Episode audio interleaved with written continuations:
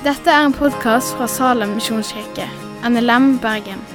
For mer informasjon om Salem, gå inn på salem.no.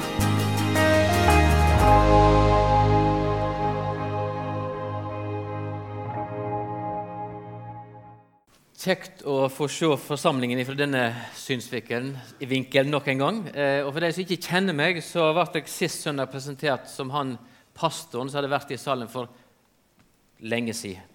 Så det begynner å bli en del, år siden sist. Vi kommet fram eh, sist jeg var pastor her, da, eller forsamlingsleder. Jeg begynte som bysekretær. Det er et tittel som sikkert ikke så mange forstår så mye av. Men jeg har forandra tittel til forsamlingsleder, og nå heter det pastor. Vi kom fram til siste, eh, siste søndag, ja. siste søndag i, i taleserien med overskriften eh, 'Den hellige ånd og menigheten'. Og eh, Jeg skal prøve å koble meg på det Kristian Lilleheim avslutta sist. Eh, men før vi går på dagens tema, så er det to ting jeg har lovt å gjøre. Og Det første det er at jeg har lovt å overbringe en varm hilsen fra Målfrid og Edgar Gunvordal. Eh, Mona og meg vi kom tilbake fra Kenya for ja, fredag for vel ei uke siden. Og eh, For femte gang så fikk vi lov til å være med på det som heter Teft familie før. Nå heter det Tid familie. Disse eh, familiene fra Norge som reiser til Kenya og er i Nairobi i tre måneder.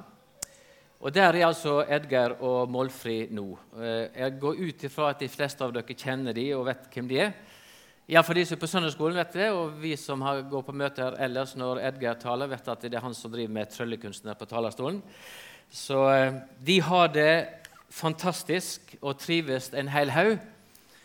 Og jeg tenker, jeg tror jeg gjør lurt i å forberede forsamlingen på at når de kommer hjem igjen til påske, så kommer det til å bli et massivt trøkk fra Edgar på at alle unge familier må dra på Tid familie. For det er vel verdt, så bare stålsett dere Eh, til han kommer hjem igjen. Det var veldig kjekt å være sammen med denne flotte gjengen som er der nå òg. Det andre som jeg har lov til å gjøre, det er at eh, der i Nairobi så fikk Mona og meg òg være sammen med to av våre utsendinger som ikke kan si navnet på. Jeg kan ikke si hvor de er. Eh, men de var på en liten sånn pause i Nairobi. Og vi ble invitert på en frokost sammen med dem. Og det var veldig sterkt å sitte og lytte på den tjenesten de står i. Eh, jeg tror ikke det var så mange av oss som eh, bl.a. hadde syntes det var så kjekt å dra på en liten ferietur og måtte ha væpna vakt med deg når du skulle dra en liten tur. Det måtte de. Men det som var fint De har jo ingen mulighet til å samles i en forsamling sånn som oss her. Men det de sier, ga meg en sånn eh, frimodighet. Og det var at de er veldig faste lyttere av podkasten fra Salem. Og de sa at denne serien som heter 'Den hellige ånd og menigheten', den skal vi lytte til. Og når jeg hørte det, så sa jeg ok, da skal jeg sende en hilsen til dere når jeg skal tale siste søndagen. Så hermed så overbringer jeg en hilsen fra forsamlingen til disse to som sitter litt isolert, men allikevel vi får være, får være med en, som en del av vårt fellesskap. Er ikke det flott å tenke på? At det, det er ikke bare vi som er her, men det blir tatt opp, og det blir sendt til ja, mange plasser. Alle som vil, kan laste det ned og lytte til disse talene som vi har her i Salem. Og jeg synes Det var en fantastisk fin hilsen tilbake til dere òg. Og få lov til å hilse til de òg gjennom denne måten. Ok, Det var de to tingene jeg har lovt. Vi skal prøve å dra videre det som var tema sist. Eh, sist søndag så startet jo, hadde Kristian en grundig innledning til tema nådegavene. Og Det er et godt fundament å stå videre på eh, i det som jeg skal si i dag. Og Dersom du er her som ikke var sist søndag, og, og når jeg er ferdig å preke tenker at det var veldig mye Eivind ikke sa, så er det helt rett, for Kristian sa det sist søndag. Så jeg tar ikke det opp igjen. Men vil du høre det han sa, så er det igjen podkasten vår som er tilgjengelig, og så du kan lytte deg opp på for å få sammenhengen i det. Så jeg... Eh, når vi snakket om dette, så ble vi enige om en fordeling, og den skal vi få klarere innsikt i nå. Jeg har nok gitt litt feil informasjon om hva som var mitt utgangspunkt for bibelvers. Men eh, det er altså 1. Peter. og Nå hopper skjermene svarte, men eh, jeg vet ikke om får du opp noen tekster på skjerm, så er det fint. Men eh, ellers får de lytte godt etter. Det som er mitt utgangspunkt, det er 1. Peter 4, 10-11. Og Der står det slik.: Tjen hverandre, hver og en med den nådegava han har fått, som gode forvaltere av Guds mangfoldige nåde. Den som taler, må tale som Guds ord, og den som tjener, må tjene med den styrke Gud gjev. Slik skal Gud i ett og alt få ære ved Jesus Kristus. Han tilhører herligdommen og makta i all eve. Amen. Det som jeg skal fokusere på, det er forvalteransvaret som er gitt oss ved de nådegaver som Gud har utrustet den enkelte med. Og Det er fokuset. Tjen hverandre, hver og en, med den nådegave han har fått som gode forvaltere av Guds mangfoldige nåde. Og I 1. Korinterbrev 12,11 så står det alt dette er et verk altså alt, Det var det, noe av det Kristian eh, var inne på sist, fra 1. Korinterbrev 12. Alt dette er et verk av den ene og samme anden som deler ut sine gaver til hver enskild som han vil. Ånden deler ut etter sitt ønske til den enkelte. Jeg har lyst til å bruke et lite eksempel som kanskje kan sette tanken og fokuset litt inn på hva vi skal prøve å si litt om. De som kjenner meg, vet at jeg, min hobby tror jeg må si, det er å drive med praktisk arbeid. Jeg elsker å snekre, enten det er med tre, sement, mur, you name it. Eh, det er mitt alibi for å kjøpe mye utstyr. Så jeg har en god del utstyr. Det tror jeg de som kjenner meg, vet. Men la oss tenke oss da, la oss være med litt eksempel. La oss tenke at, at eh, alle vi som er her, har sagt ja til å stille på dugnad i Salem. Det er jo en våt drøm for Jon Amador, men eh, liksom alle stiller opp her. Og Dagen er der, og vi står der med forventning til dette oppdraget som vi skal få være med og gjøre. Det er mye som skal gjøres på dette bygget. Det er Jon Amador som er ansvarlig for bygget. Kanskje Gjermund Øygarden òg, og Runar er, er, liksom med i det òg. Men tenk dere da at eh, Jon Amador går rundt og deler ut her står vi, deler ut vaskefiller til noen, eh, malerkors til noen, hammer til noen, sag altså Alle har fått en eller flere redskap som er forventa at en skal bruke i denne, dette oppdraget, som vi er felles om.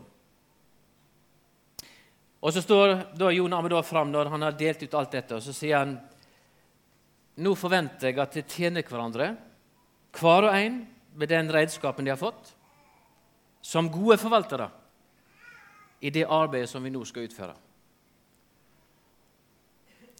Da vil det være veldig rart hvis en som står med en vaskeklut, begynner å slå inn en spiker med den. Eller en hammer og begynner å vaske gulvet med den. Det, det, er så, så selvsagt at vi, vi syns det er litt dumt å bruke det som, som eksempel. Men det ligger en forventning. Og det kan virke som om Paulus forventer at eh, Nei, Paulus sier Peter forventer at uh, dette er kjent.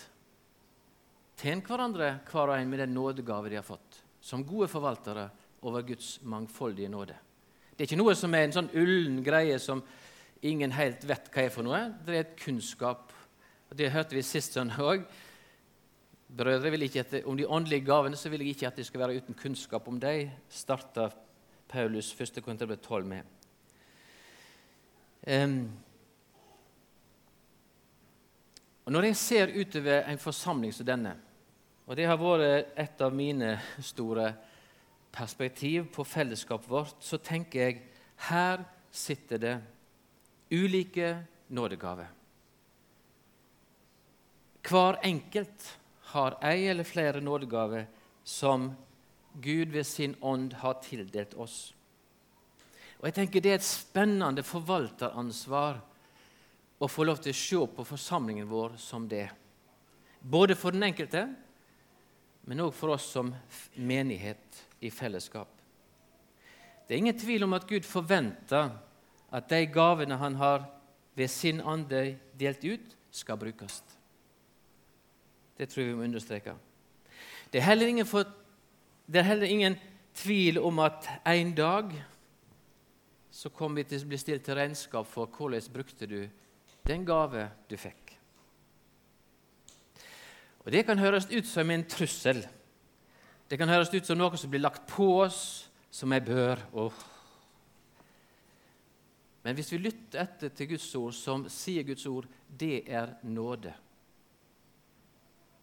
Det er Guds mangfoldige nåde som er gitt oss. Like lite som jeg kan slå inn en spiker med bare hendene, like lite kan jeg utrette noe i Guds rike uten Hans gave. Jeg trenger det redskapet for Guds rikes arbeid.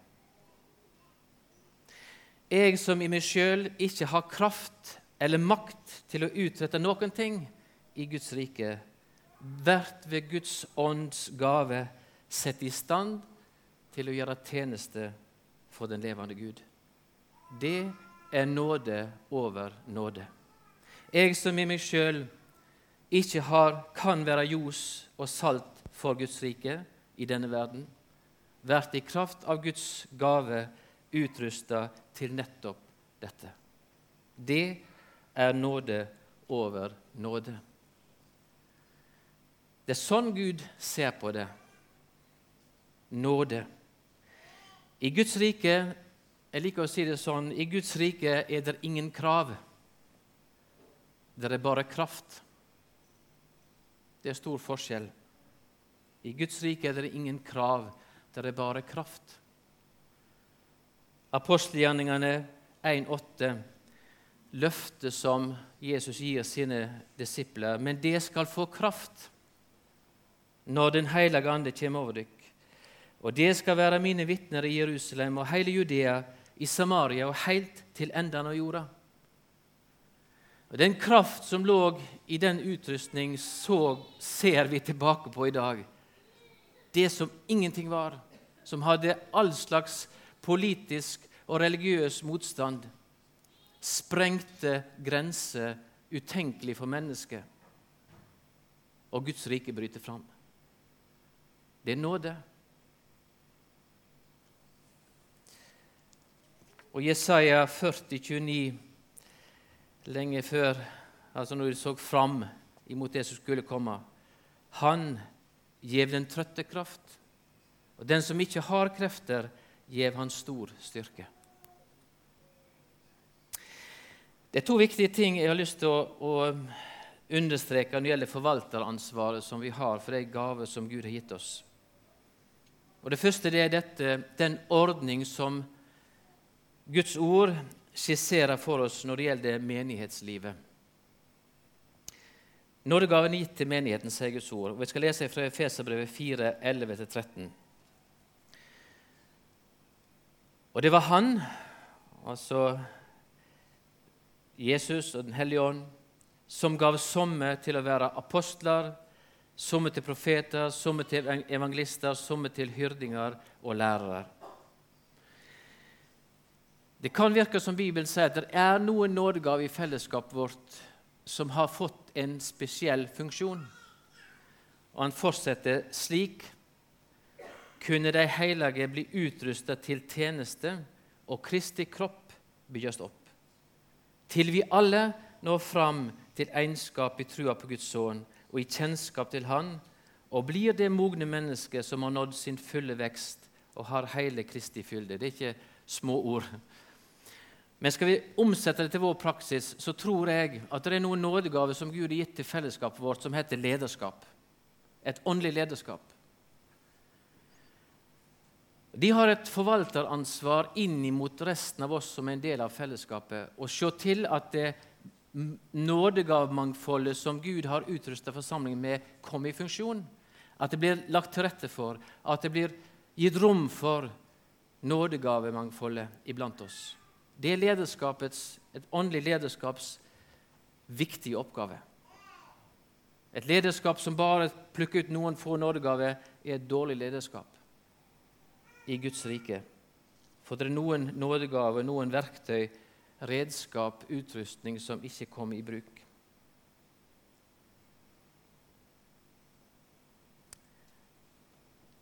For gjennom dette lederskap så blir hele menigheten satt i stand til å gjøre tjeneste, sier Paulus. Til å vekse i nåde og kjennskap, til å få del i hele Kristi fylde, det er jo et tema i seg sjøl. Men som vi allerede har vært inne på, så ligger det òg et individuelt forvalteransvar. At jeg finner min plass med den nådegave som Gud har gitt meg. Og Det er et vakkert syn, syns jeg, når det åndelige lederskap inviterer nådegavemangfoldet, og den enkelte finner sin plass i menigheten med den tjeneste og den nådegave som han har fått. Og Det bringer oss over på punkt to som, for, som Bibelen snakker om som kroppen, legeme, medlem. var snakket her innledningsvis. Kroppen. Det ser ut som i alt det Paulus skriver om nådegaven, så snakker han om kropp.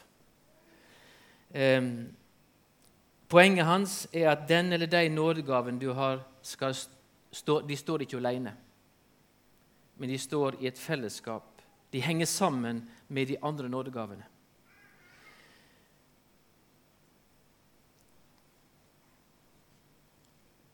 Ja, Paulus, og det har vi jo lytta til allerede, at Paulus sier at du skal tenke om de ulike nådegavene som ulike lemmer på kroppen. Vi er gjensidig avhengige av hverandre. Og Jeg har ennå til gode at armene mine begynner å krangle med beina og si hva i verden er det det holder på med? Hva er det det driver på med? Eller tenke at det er noe på kroppen som er unyttig. Det er jo en sånn selvsagt ting som vi ikke tenker på til daglig, men Paulus underviser om hvor lett det skjer i fellesskapet vårt. Hver lem på kroppen har funnet sin plass og utøver sin gjerning til gagn for hele kroppen. Efeserbrevet 4, 16. Ut fra Han, altså fra Kristus, blir hele kroppen sett sammen og halden i hop av hvert støttende band, alt etter den oppgava som hver enskild lem har fått tilmålt. Slik vokser kroppen og blir oppbygd i kjærleik. Det er ikke bare lemmene som er inkludert, men alle muskler, sener, ledd, bånd er inkludert i dette kropps... Vi kan gjerne si at Paulus var kroppsfiksert, men på en god måte. Han snakker om kropp. Det henger sammen. Vi er avhengige av hverandre. Og jeg synes det, var, det, er alltid litt fint jeg, når du blir inkludert i denne møteplanleggingen her. De fleste kommer sånn rundt ca. 11, men det var folk i Salem her klokka 8 i dag tidlig. For hvorfor? Fordi de ikke hadde noe bedre å gjøre på? Helt sikkert kunne de tenkt det var kjekt med lang frokost eller en lang morgen. Men det var noen som så at eh, skal vi kunne sitte ned her og kjenne fellesskap først og fremst med vår Herre, fellesskap oss imellom, så er det noe som må legges til rette. Det er noe i denne kroppen vår som trenger å starte litt før. Og Så kan vi sitte her og så kan vi få lov til å ta imot, både gjennom det som blir sunget og spilt, og det som forkynnes. Det er et legeme som begynner å bevege seg klokka åtte om morgenen for å være i bildet. Og så vet ikke vi som kommer sånn ca. 11, alle detaljer. Alt som de trenger å jobbe med. Teknikere, lys, lyd. Det er så mange ting som vi skal få lov til å regne med som støttende bånd inn i det fellesskapet som vi får lov til å være en del av. Det er ikke selvsagt. Og Vi skal heller ikke se, se, på det som et menneskeverk. Vi skal få lov til å se på det som Guds velsignelse, og Guds kraft blir utøvd.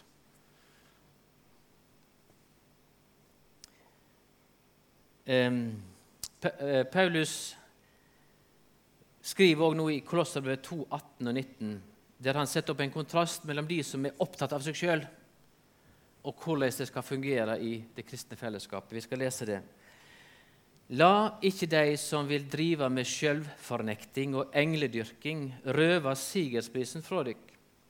De går helt opp i sin egne, sitt, sine egne syn og uten grunn bles de seg opp av tanker som kommer fra deres eget kjøtt og blod. Det er sånn individualist. Eh, ja. Og held ikke fast på Han som er hovedet. Og ut ifra han, altså er hans hovedet som er Kristus, ut fra han vokser hele kroppen med én vokster som er av Gud, og blir holden oppe og bundet sammen av alle sener og bånd. For meg er det et vakkert syn å tenke om menigheten på den måten der. Vi er avhengige av hverandre. Vi trenger hverandre for å være med og bygge Guds rike.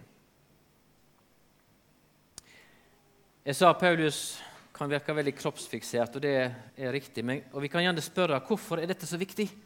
Hvorfor er det så viktig dette med kroppen? Hvorfor er det så viktig at det, det er et bilde vi, vi fester på netthinnen? Svar, svaret får vi i 1. Korinterbrev 12,27. Og Der står et vers som jeg aldri tror jeg klarer å fullt ut forstå dybden av. Men det er Kristi kropp og hver av dykk en lem på Han. Da begynner bildet å utvide seg. Det er ikke bare for oss her, men, men vi utgjør en kropp i denne verden som menighet. Og ikke mindre enn Kristi kropp, sier Guds ord. Det er mind-blowing, for å bruke engelsk. Det sprenger tanken, det sprenger evnen og kapasiteten min i alle fall til å forstå dybdene og høyden og bredden i den, det utsagnet der. Vi som er her, er Kristi kropp i denne verden. Vi er synliggjøring av Kristus i verden. Det er et bilde hvis vi får opp på skjermen her, det, det, det henger i en menighet i Trondheim. Jeg syns det er et sterkt uttrykk for Guds tanke med nådegaveutrustning og fellesskap. Nå, eh, for deg som lytter på podkast, må jeg kanskje forklare bildet. Det er et bilde som på avstand ser ut som en Kristus-portrett. Men zoomer en inn, så ser en at bildet består av enkelt, bilde av enkeltpersoner. Og så er det montert for å utgjøre et større bilde. Og jeg tenker Det er et vakkert og sterkt symbol på hvordan Gud har tenkt om fellesskapet vårt. Fellesskapet vårt er ikke et fellesskap splitta i alle retninger, som går i alle retninger. Vi er et fellesskap som sammen, med alle støttende bånd, alle nådegaveutrustning, alt som Gud har gitt oss, viser Kristus i verden. Vi har et individuelt ansvar for forvaltningen av den nådegave eller de nådegave jeg har fått, men vi òg har et felles ansvar i fellesskapet vårt. Å finne vår plass legge til rette for det og få lov til å bygge Kristi kropp i denne verden. Og for et byggeprosjekt vi er med på. Vi er kalt til å være med å bygge og utbre Guds rike i denne verden. Guds rike bygges ved Guds ord og Guds ånd og de gaver, redskap, om vi skal si det sånn, Gud har utrustet den enkelte med. Og Paulus inviterer oss opptil flere ganger å søke de åndelige gavene med iver.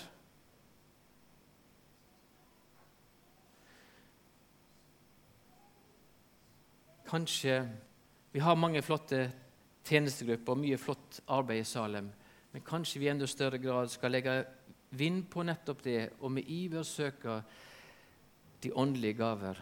Ikke for min egen del, men fordi at Gud vil at jeg skal bruke et redskap som er nyttig i Hans rike, og for å bygge Hans rike. To korte punkt til slutt. Ehm, det er noe som heter restitusjonstid. Og enhver idrettsutøver vet at den er veldig viktig. Og I restitusjonstid så er det ekstremt viktig at ikke noe aktivitet blir gjort.